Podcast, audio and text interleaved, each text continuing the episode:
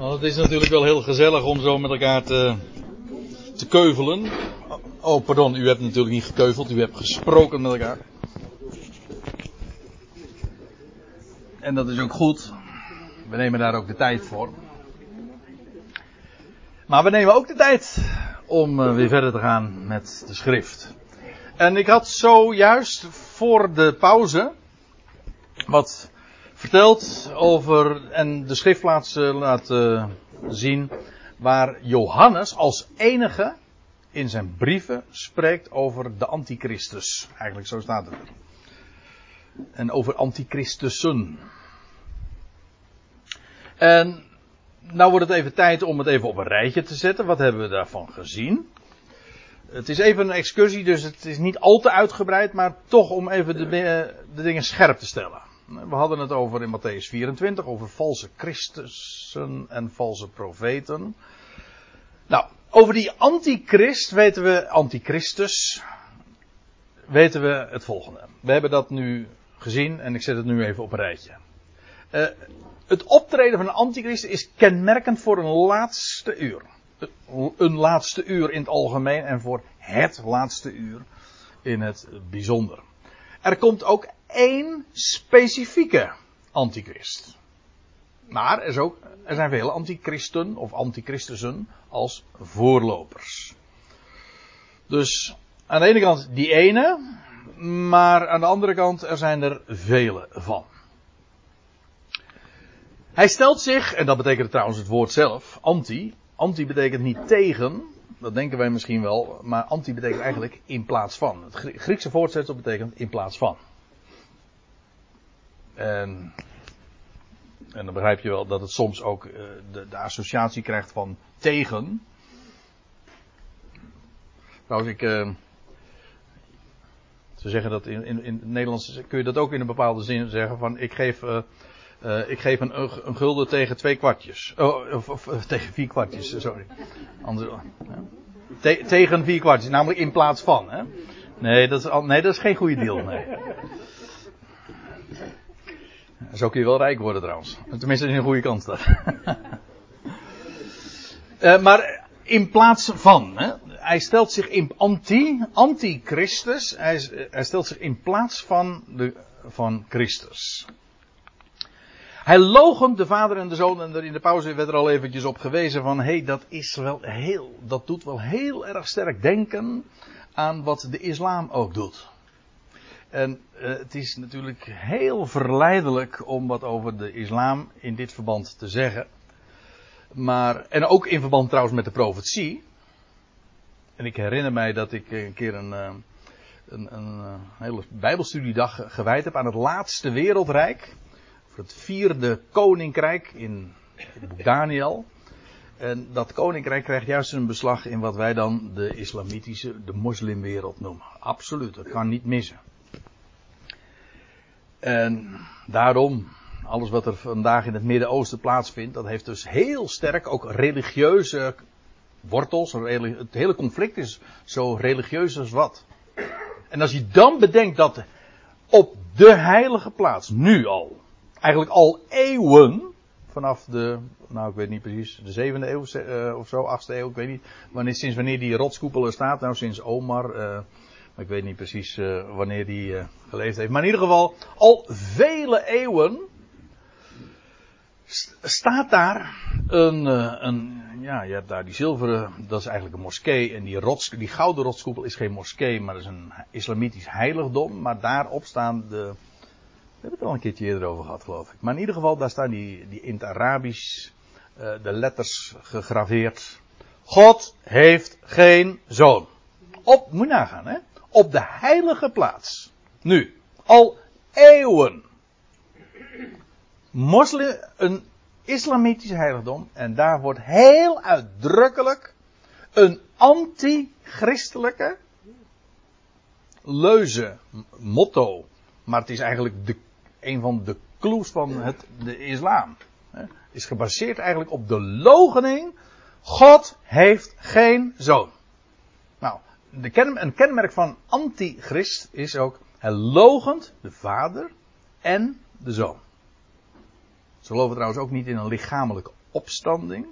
Ze geloven wel in Jezus en ze geloven zelfs dat hij een profeet is, maar dat hij de, maar dat hij, nou sowieso ook niet dat hij de Christus is, maar ook niet uh, dat hij lichamelijk is opgestaan uit de doden.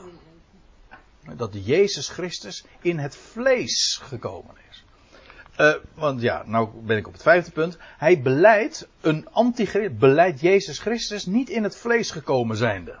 Ja, het is, sorry voor het wat krakken, of in ieder geval wat uh, stuntelige Nederlands lijkt het. Maar zo, staat het er, hè? Niet in het vlees gekomen zijnde. Jezus Christus, we hadden het in de pauze ook al eventjes over, maar weer met een ander. Uh, Jezus Christus is eigenlijk de term van degene die hier op aarde leefde. Jezus in vernedering. Christus werd hij in zijn opstanding. Hè? God heeft hem tot Heer en tot Christus gemaakt. Dat zijn titels die aan hem juist toegekend zijn. Juist uit hoofde van zijn opstanding. En Jezus Christus is in vlees gekomen. Hij is Jezus Christus, maar dat is in vlees. En dat is, als je er goed over nadenkt en bijbels over denkt, is dat daarmee een accentuering van Jezus, de Christus, maar lichamelijk in vlees is hij gekomen. Er zijn velen, ook, dat is trouwens antichristelijk dus, hè? Dat lijkt me duidelijk. Als je gelooft, ja, opstand, ja, Jezus Christus, jazeker, maar hij is uh, niet lichaam. Als je bedoelt dat, dat daar toen die steen werd weggewenteld en dat daar een lijk op stond. En, nee, dat is antichrist. Het kenmerk is namelijk dat Jezus, Christ, Jezus Christus in vlees is gekomen. Lichamelijk is opgestaan. En ja, want als hij namelijk niet lichamelijk, lichamelijk is opgestaan, dan kan hij dus ook niet, en dan komen we bij vers, vers punt 6, dan kan hij dus ook niet in vlees komend zijn, ook in vlees weerkomend. En dat was ook een kenmerk, hè? dat zagen we in 2 Johannes vers 7. Hij, hij logent Jezus Christus in vlees komend. Ook geen lichamelijke wederkomst. Allemaal kenmerken. En een antichrist, en dat hebben we ook gezien in 1 Johannes 4, daar wordt, die, wordt gesproken over valse profeten. En twee versen later gaat het over diezelfde groep, en dan heet het antichristen. Haha. Dat is ook boeiend, want daarmee is een antichrist dus ook een valse profeet. En als ik het zo zeg, dan kom ik ook weer op echt heel profetisch terrein. Ik bedoel dit. De uitdrukking zelf is, uh, wordt heel uitdrukkelijk gebezigd in met name in het boek Openbaring. Gaat het over de valse profeet. En wie is die valse profeet? Ja, zo kom je een stukje bij beetje. Er komt een antichrist. Hè. Eh, ik, want ik hoop dat u mijn de gedachtegang eh, volgt. Een valse profeet. Er komen valse profeten. Maar er is ook een de valse profeet zal komen. En die valse profeet zal een antichrist zijn. Maar wat is, of wie is die valse profeet? Dat is echt iemand. En die kunnen we identificeren. Want het is namelijk een wild dier. Het is een beest. Zo noemt de schrift U zegt, ja, maar welk beest? Want eh, het boek Openbaring kent twee beesten. Nou, dat is duidelijk. Dat is namelijk het beest uit de aarde. Die wordt namelijk genoemd de valse profeet. Ik weet niet of ik er zo meteen nog op terugkom. Maar uh, ik heb in ieder geval wel diaatjes ervan gemaakt. Dus het komt in ieder geval terug. Ja. De valse profeet, dat is het beest uit de aarde of uit het land. En u ziet hier een aantal versen uh, waarin die uitdrukking de valse profeet gebezigd wordt. En als je het vergelijkt met openbaring 13 is volkomen duidelijk. Dat is dat beest uit de aarde. We gaan het er zo over hebben, maar eerst eh, nadat ik, uh, maar niet nadat ik uh, eerst nog eventjes hierop gewezen heb. We, gaan weer even terug naar Matthäus 24. Want u weet nog, hè, we waren bezig met Matthäus 24. Ja, als je een excursie maakt, dan denk je van, oh, dat was alleen maar even een excursie. We gaan weer terug, Matthäus 24, want pseudo-christussen en pseudo-profeten zullen gewekt worden. En ze zullen grote tekenen en wonderen geven. Zodat ze doen dwalen. Ja, want het zijn pseudo, het is vals. Maar je begrijpt wel dat als je niet, nee, er staat niet tekenen, ze doen geen tekenen en wonderen. Ze doen grote tekenen en wonderen. Dat zijn geen flauwe goocheltrucjes hoor, dat kan ik u vertellen. Je hebt momenteel zo'n uit, eh, zo'n, zo'n tv-serie. Ik heb een, een twee ervan gezien, dat is echt heel leuk. Mindfuck, sorry dat ik het, zo heet dat programma nu eenmaal. En uh, dat is echt wel heel apart, wat, wat, hoe je inderdaad. Uh, hoe, hoe, maar dat zijn trucs. Uh, dat, dat kun je leren, dat is goochelen. Hier gaat het over echt tekenen, grote tekenen en wonderen die deze pseudo-profeten zullen doen. En ze zullen doen dwalen. Die mogelijk ook de uitverkoren staat. Tekenen en wonderen.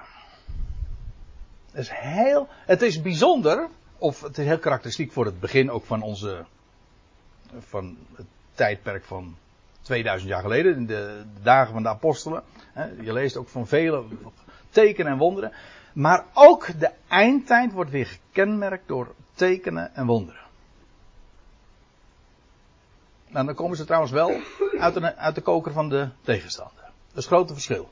In het begin, in het begin van onze era, om zo te zeggen, of zo u wilt, in de dagen van de apostelen, deed God door de handen van de apostelen en de profeten uh, grote tekenen en wonderen. In de eindtijd vinden er opnieuw grote tekenen en wonderen plaats. Maar dan worden ze allemaal op instigatie van, van de tegenstander. Die dat zo zal bewerken. Grote tekenen en wonderen. Zeer misleidend en, en ja, ze doen dwalen. Ik wil u laten zien. Ik wil twee passages laten zien. 2 Thessalonica 2. Uh, ik haak dan in bij vers 8. En dan staat er, en dan zal de wetteloze onthuld worden. Ja, en dan wilt u weten, wanneer zal die wetteloze onthuld worden? Nou, dan wordt, moet er eerst een, er is iets of en iemand dat hem weerhoudt en die moet uit het midden verwijderd worden, weggedaan worden. Maar we weten inmiddels al wat er uit het midden zal verdwijnen. Dat is die mannelijke zoon. Die moet, die moet eerst een wegrukking. Maar dan zal, uh, daar ga ik nu verder niet op in, maar in ieder geval als die weerhouder, of die eigenlijk staat er de vasthouder, die, die, uh, die ervoor zorgt dat die, die wetteloze nog steeds niet kan optreden. Als die verwijderd zal worden uit het midden, zal verdwijnen, dan zal de wetteloze onthuld worden. Dan kan die zich zijn, zijn masker afgooien en, en zich als de, de wetteloze gaan manifesteren. Hij zal zich zin, hij wat zal die doen? Dat is allemaal het voorgaande. Ik heb daar nu geen diaatje van, maar. Goh, ja, waar moet je beginnen? Waar, waar stop je dan? Hè? Ja, dat is, dat is het grote probleem dan. Maar dat is omdat hij zal zich, in de, hij zal zich namelijk in de tempel God zetten. En een enorme afval organiseren daarmee. Ook daar komen we trouwens nog over te spreken in die andere passage. Maar eerst even dit. Dan zal de wetteloze onthuld worden. Van wie de aanwezigheid is naar de inwerking van de Satan. Eigenlijk hier wordt het woordje parousia ook gebruikt. De parousia namelijk van die wetteloze. Zijn aanwezigheid. Van wie de aanwezigheid is naar de inwerking van de Satan. Dat is de energie, dat is het woord wat gebruikt wordt, van de tegenstander. In alle vermogen en in tekenen en in wonderen van leugen. Pseudo.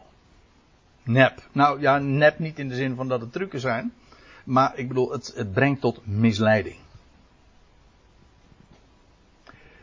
En staat erbij in elke verleiding van onrechtvaardigheid voor hen die omkomen of voor hen die verloren gaan.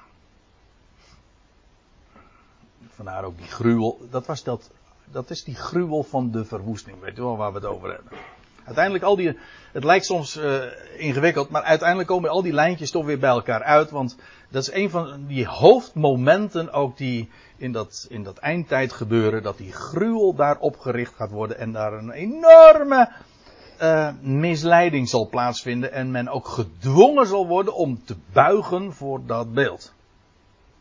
Ja, die daar op het tempelplein neergezet zal worden. Nadat de offerdienst is gestaakt. En terwijl ik dat zeg, denk ik meteen ook aan een andere passage. Namelijk openbaring 13. En ja, ik heb hier even geen, uh, uh, geen goede concordante tekst van. Nou, ik had hem eigenlijk wel. Maar dat is even een grapje die ik nu uh, met een knipoog naar Menno maak. Maar die was me even ontgaan. Ik heb hier eventjes, uh, even in een paar, als ik cursief de tekst weergeef, dan heb ik het iets gewijzigd. Maar voor de rest is de MBG weergave. Ik lees het even voor. En ik zag, staat er, ik zag een ander beest opkomen uit het land. Of, zoals in onze vertaling staat, uit de aarde. Maar eventjes voor de goede orde. Eh, de aarde in de Bijbel is hetzelfde als het land. Dus in het Grieks zo, in het Hebreeuws ook. Weet u wat het land is trouwens? Het droge. Ja. God noemde het droge Arets. Land. En het land, dan is in specifiek gewoon, dat kan gewoon het land in het algemeen zijn. En dat is de aarde, dus niet de planeet. Dat kent de Bijbel niet. De Bijbel kent geen planeet die aarde heet. Sorry Hol. Lindsay. nee, de Bijbel kent, de aarde is gewoon het land.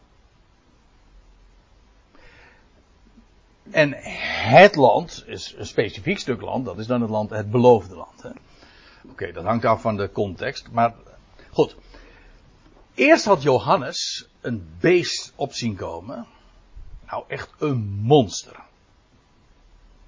Zeven koppen, tien horens. Dat is eigenlijk een, een samengesteld beest van, die erg doet, die doet denken, direct doet denken aan. Uh, het is de optelsom van die beesten uit het boek Open uh, Daniel. Goed. Die zag hij uit de zee opkomen. De zee, de volkerenwereld. De aarde staat dus voor als de zee voor de volkerenwereld staat, de natieën, waar staat de aarde dan voor, het land? Nou, gewoon voor Israël, het land dus. Daarom uh, kies ik er ook voor niet over de aarde te spreken, maar over het land. Namelijk, ook specifiek, Haaretz, Israël. En ik zag een ander beest. En die wordt dus genoemd, en daar had ik het net al even over, uh, die wordt er wordt direct aan gerefereerd in deze vier schriftplaatsen, of zijn er drie? Nee, drie. Uh, daar wordt hij genoemd de valse profeet. Aha. Aha. Want we zitten nu wel in 2 Thessalonica 2 en in openbaring 13. En u denkt van die andere Piet, die is helemaal de draad kwijt. Nee, dat is die toevallig nu niet. nee, hij is, uh, we doen gewoon schriftstudie en ja dan, dan, ja, dan leg je de puzzeltjes stukjes allemaal bij elkaar. En die valse profeten, waar het in Matthäus 24 over gaat, gaat het hier ook over, alleen hier over de valse profeet. Ik zag een ander beest opkomen uit het land. Het ene beest uit de zee, de Volkerenzee. Dat is dat laatste wereldrijk. Uit die moslimlanden, weet je wel, die tien landen. En tot twee horens als die van een lammetje. En het sprak als een draak. Nou. Hou je, hou je vast. En het oefent al de macht van het eerste beest, dat beest uit de zee dus, voor diens ogen uit. En het bewerkt dat het land en zij die daarin wonen, staat letterlijk echt daarin, dus het, in het land wonen, het eerste beest zullen aanbidden. Dat wil zeggen dat wereldrijk en de leider daarvan, die zal aanbeden worden. En daar staat er nog iets bij, welks dodelijke wond genezen was. En nou wilt u weten van, wat betekent dat? We skippen dat. Want dan, dat voert echt te ver. Het gaat er even om. Het gaat hier over dus een, iemand uit het land. Dat er uitziet als het lammetje, of het had horens als van het lammetje. Spreekt als een draak, maar het oefent de macht uit van het eerste beest. En het bewerkt dat het, dat het land en zij die daarin wonen, gaat specifiek over Israël, het eerste beest zullen aanbidden. Welks dodelijke wond genezen was. En, let op. Daarom kom ik op openbaring 13. En het doet grote tekenen. Zodat het zelfs vuur uit de hemel doet neerdalen in het land. Ten, aans, ten aanschouwen van de mensen. En ze zien dat dus. We praten hier ook weer over een tijd dat er geen atheïsten meer zullen zijn. En ik, eh, wie van u, ja, wie van u heeft gisteravond uh, dat uh, programma van Pauw gezien? Ja, ik heb het ook, ik heb het ook niet uh, direct gezien. Ik kreeg, ik werd erop gewezen. Om, en, en, en, dat het gisteravond uitgezonden was. En toen heb ik het via uitzending gemist. Alsnog even bekeken. En ehm, dat, had ermee te maken. Misschien was, is het toch wel even goed. Um, Paul had uh, een paar weken geleden had hij, een moslim uitgenodigd. En die, uh, ja, die had, dat was een, orthodoxe moslim om zo te zeggen. En die, had, die was er toen op aangevallen van over het geweld dat de islam dan allemaal rechtvaardigt. In de naam van Allah en van, de, van, hun, van hun heilige boeken. Of heilige boek. En toen, zei, en toen had hij gezegd, zo daar aan de tafel van Pauw. Pauw is echt een uitgesproken atheïst. En hij had uh, toen daarbij uh, gezegd van, nou, dat, dat doet de Koran, maar de Bijbel net zo. En toen had uh, zo heel, heel, ja, ook heel ja, verwa verwaand trots, als een pauw om zo te zeggen. Had hij gezegd, ah, al die, die onzin van die heilige boeken, verschrikkelijk allemaal. Wie zich er een beetje in verdiept, die weet meteen van dat het allemaal verschrikkelijk. En ja, toen had hij de christenen in de gordijnen natuurlijk. En toen kreeg hij open brieven van een, ja, van een dominee, Paul Visser en ook een en van Thijs van der Brink. En die werden, en maar goed, er was erg veel kritiek op uh, de wijze waarop uh, Paul dan dat had gezegd over, over christenen. Of over dat heilige boek. Terecht of troonrecht, daar gaat het me even niet om.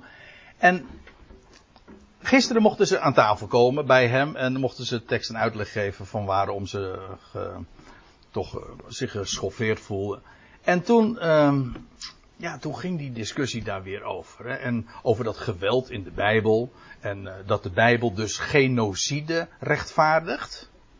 Want en toen ging Pauw even een passage aanhalen uit het Deuteronomium. En dat, dat, alle, dat als Israël dan het, vanuit de woestijn naar het beloofde land, dan moesten ze alles uitroeien. Hij zegt, nou, zo werd het gisteren geloof ik niet direct zo geformuleerd, maar de, de hint was duidelijk, al bij een eerdere keer was dat ook zo geformuleerd. Dat is wat we tegenwoordig genocide noemen. Alsjeblieft, dat is de God van de Bijbel. En toen mocht uh, Paul Visser, de, predikant, uh, tijdens zijn uitleg geven. Hij, hij, vond, ik vond dat hij een mooie toon aansloeg, maar geen echte antwoord op de vraag gaf. Helaas. Maar die hele kwestie van dat, ja, dat is genocide. En dan zeg, kijk, het, hele probleem is, daar, daarom wijs ik er even op. We kijken met onze, onze bril naar hè, zoals wij dat nu tegenwoordig beoordelen, kijken we naar een situatie van uh, 3500 jaar geleden. En, en toen ging het erover, ja, dat moet je allemaal niet zo letterlijk nemen. Het gaat niet om letterlijk nemen. We nemen de schrift wel letterlijk. Maar vergis je even niet wat de situatie toen was. God greep openlijk in. Dat hij had Israël uitgeleid uit Egypte. Ook openlijk. En voor heel Egypte was volkomen onmiskenbaar dat de God van Israël leeft. Er was, er was in die dagen ook geen ene atheïst. Echt niet. En God, de God van Israël leefde. Hij had zijn volk 40 jaar bewaard. En de mensen in het beloofde land, die sidderden. Al die hoe heette ze? Nou ja, dat waren zeven naties. De Jebusieten, de Canaanieten, nou noem ze allemaal maar op. En dat weten we ook, want dan komen, ze ehm, bij. ehm, eh, dan komen ze bij Ragab. En dan, en dan eh, zegt Ragab. Ja, als je die verspieders eh, opgenomen heeft. En zeggen, ja, we hebben genomen dat jullie God echt de God is. En we hebben gehoord van al die tekenen in, in Egypte. En alle, allemaal eh, zidderen we over wat er nu gaat gebeuren. Ziet u, het was volkomen duidelijk. Dat waren maar niets, eh, want zo wordt het dan vergeleken hè, met wat IS doet. Allemaal van dat in de geweld in de naam van God. Maar dit was geen geweld in de naam van God.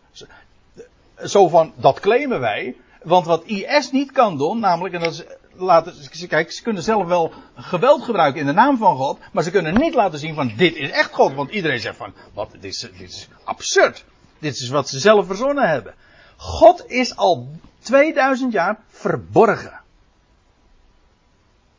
Hij laat niets van zich weten. En van, ja, van zich horen, u zegt in zijn woord, jawel. Maar hij grijpt niet in. Hij vraagt ook niet van ons in te grijpen. Er komt straks weer een tijd dat het anders wordt hoor. En dan gaat hij zelf ook optreden. En dan zal hij de volkeren ook gaan hoeden met rijzerstaf. En dat zal er niet zoetsappig aan toe gaan. En maar dan moet je niet zulke termen die wij tegenwoordig volkenrechtelijk dan bezigen van genocide opplakken. Want het heeft er niets mee te maken. Dan, kijk, toen ter tijd was het volkomen duidelijk. Dat volk dat God heeft uitgeleid uit Egypte, dat claimt nu het beloofde land. Nadat hij trouwens eeuwen daarop gewacht heeft om in te grijpen. Er was niemand die dat ontkende. Dat was volkomen duidelijk. Er waren helemaal geen atheïsten. Er waren geen Jeroen Paus. Echt niet. Want dat God er was, was gewoon volkomen duidelijk. En al dat God dat land claimde. En, en zij had gezegd, dat komt toe aan mijn volk. Dat werd niet betwist. Maar het verhaal was, dat God zegt, eh, nu moet je waken dat je wegkomt. Want het was namelijk of ze werden verdreven, en wat niet verdreven werd, dat wil zeggen wat bleef, nou dat werd omgebracht. Dat was, u zegt keihard, jawel. Maar één ding vergeet men, en dat toen was het volkomen duidelijk, daar gaat het nu even om. Het was volkomen duidelijk, God is hier werkzaam. Aan publiek. Dat werd kon, en dat kon niet betwist worden, en het werd ook niet betwist. Vandaag leven we dat God zich verborgen houdt, zodat we nu, eh, anno 2016, vele atheïsten hebben en, en de westerse wereld die is verlicht. Nog even een paar jaar wachten, het is over. Ja, dat atheïsme heeft ze langste tijd gehad.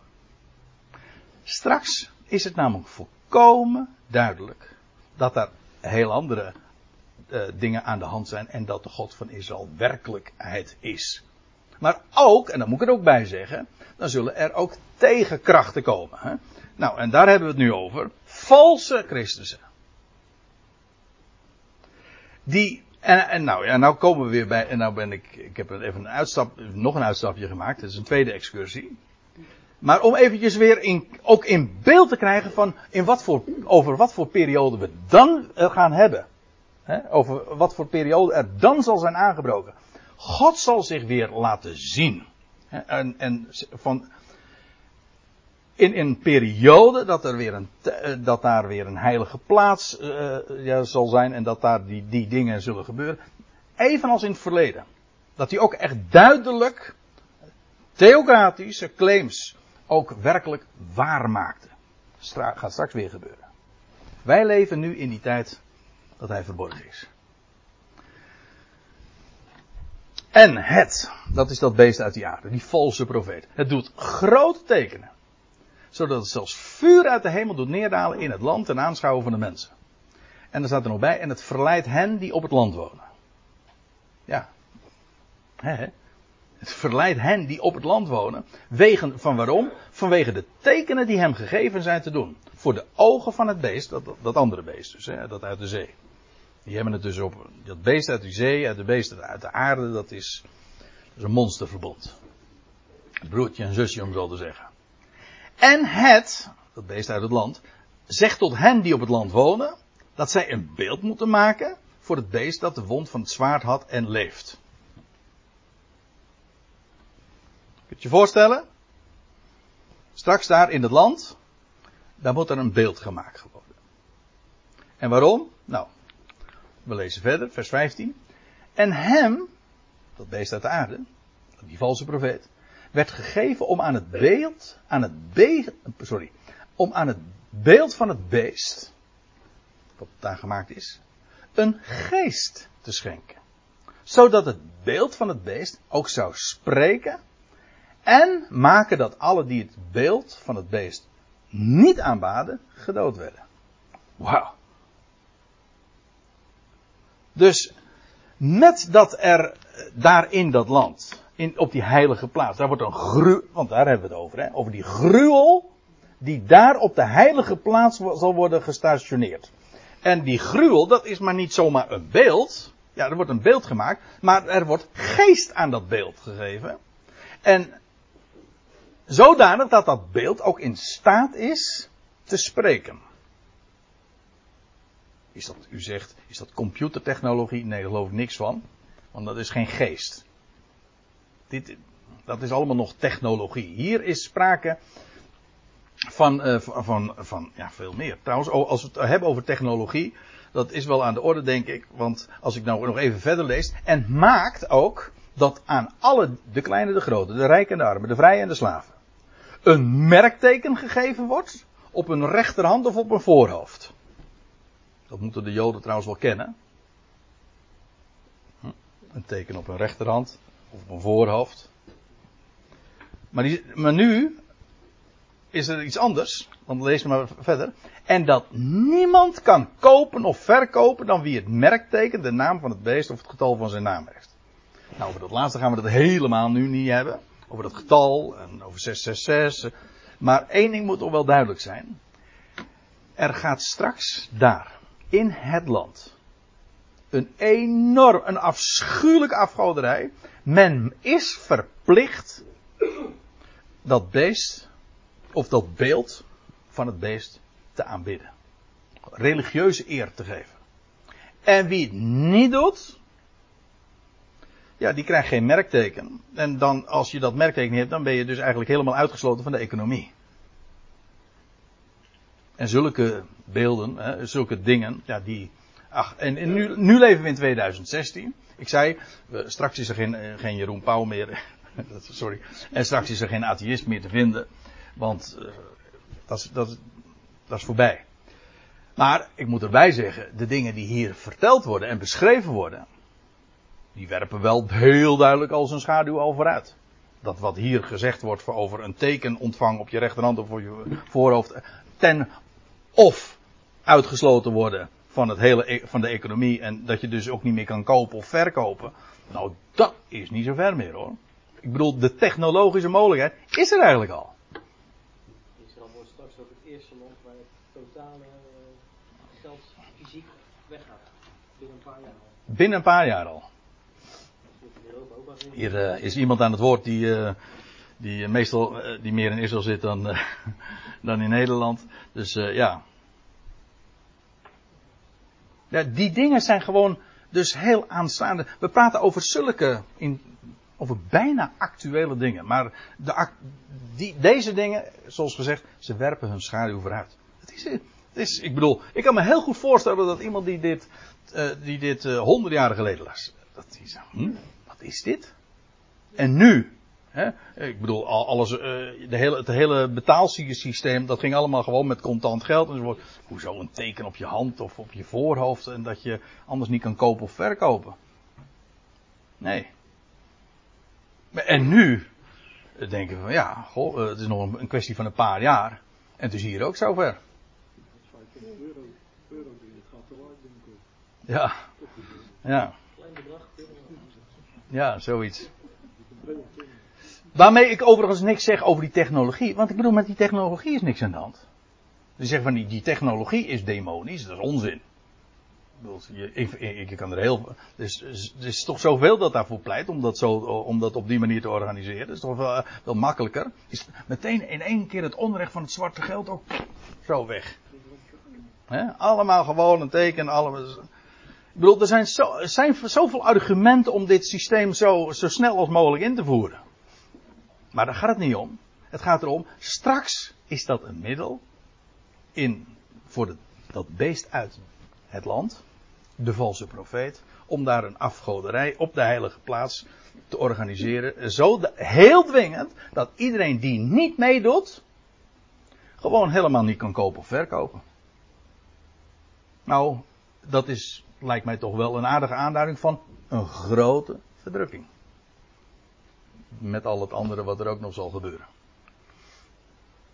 Ja, en dan staat er ook nog bij, en nou zijn we weer terug bij Matthäus 24, zodat ze velen doen dwalen, indien, indien mogelijk ook de uitverkorenen. Het gaat hier uiteraard dan vooral over het gelovig Israël.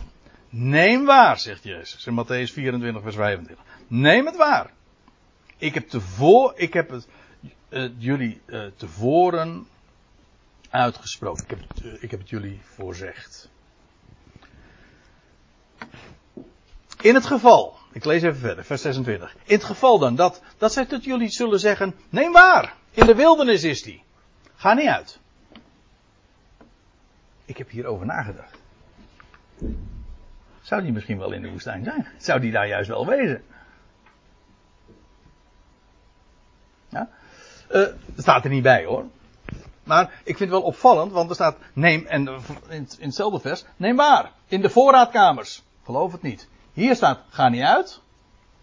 Zou die er dan wel zijn? En hier staat, in de voorraadkamers, geloof het niet. Ja, waarom zeg ik dat nu even? Want we weten natuurlijk inmiddels, er zal weer een volk zijn, gedurende die, die 3,5 jaar, dat veilig bewaard wordt. Dus in de nabije omgeving, daar in het land, is er een afschuwelijke verdrukking gaande. En in de woestijn, een paar honderd kilometer, hm, een paar tientallen kilometer, of nou ja, hoeveel dan ook, daar in het zuiden van Israël, daar zo tussen de Dode Zee en, en de Rode Zee in, daar wordt een volk veilig bewaard. En al die verschrikkingen gaan er helemaal voorbij. Wonderlijk hoor.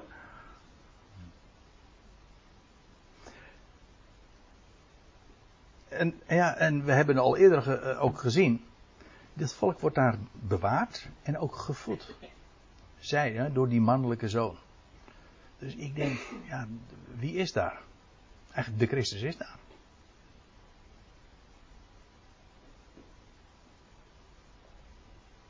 Hij, wij, gewoon de mannelijke zoon. Die is daar in die wilde. Maar, zegt ze de heer, in het geval dat ze tot jullie zeggen, neem waar in de wildernis is, die ga niet uit, want dat kan dan helemaal niet meer. Dat had je moeten doen aan het begin, als, als ze de gruwel zien staan, dan is het het uiterste moment nog om te vluchten, daarna kan het niet meer. Ga niet uit. En als ze zeggen van, in de voorraadkamers is die, geloof het niet. Dat kan, dat is namelijk, dat is niet waar dus. Uh, de voorraadkamers van wat? Ja, staat er niet bij. Of de binnenkamer. Er staat in de NBG-vertaling in de enkelvoud staat er niet. staat binnenkamers. Als het al.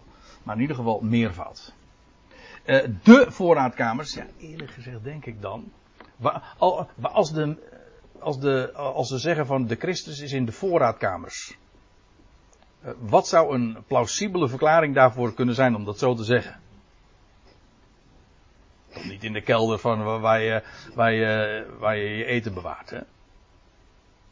Nee, de voorraadkamers. De voorraadkamers. Let op het bepaalde lidwoord. De voorraadkamers. De binnenkamers, namelijk van de heilige plaats. En ze zeggen ze, oh daar is hij. Daar houdt hij zich schuil. Geloof het niet, daar is hij niet. Ja. Want net zoals de bliksemflits uitkomt vanaf het oosten en verschijnt tot het westen, zo zal de parousia van de zoon van de mens zijn.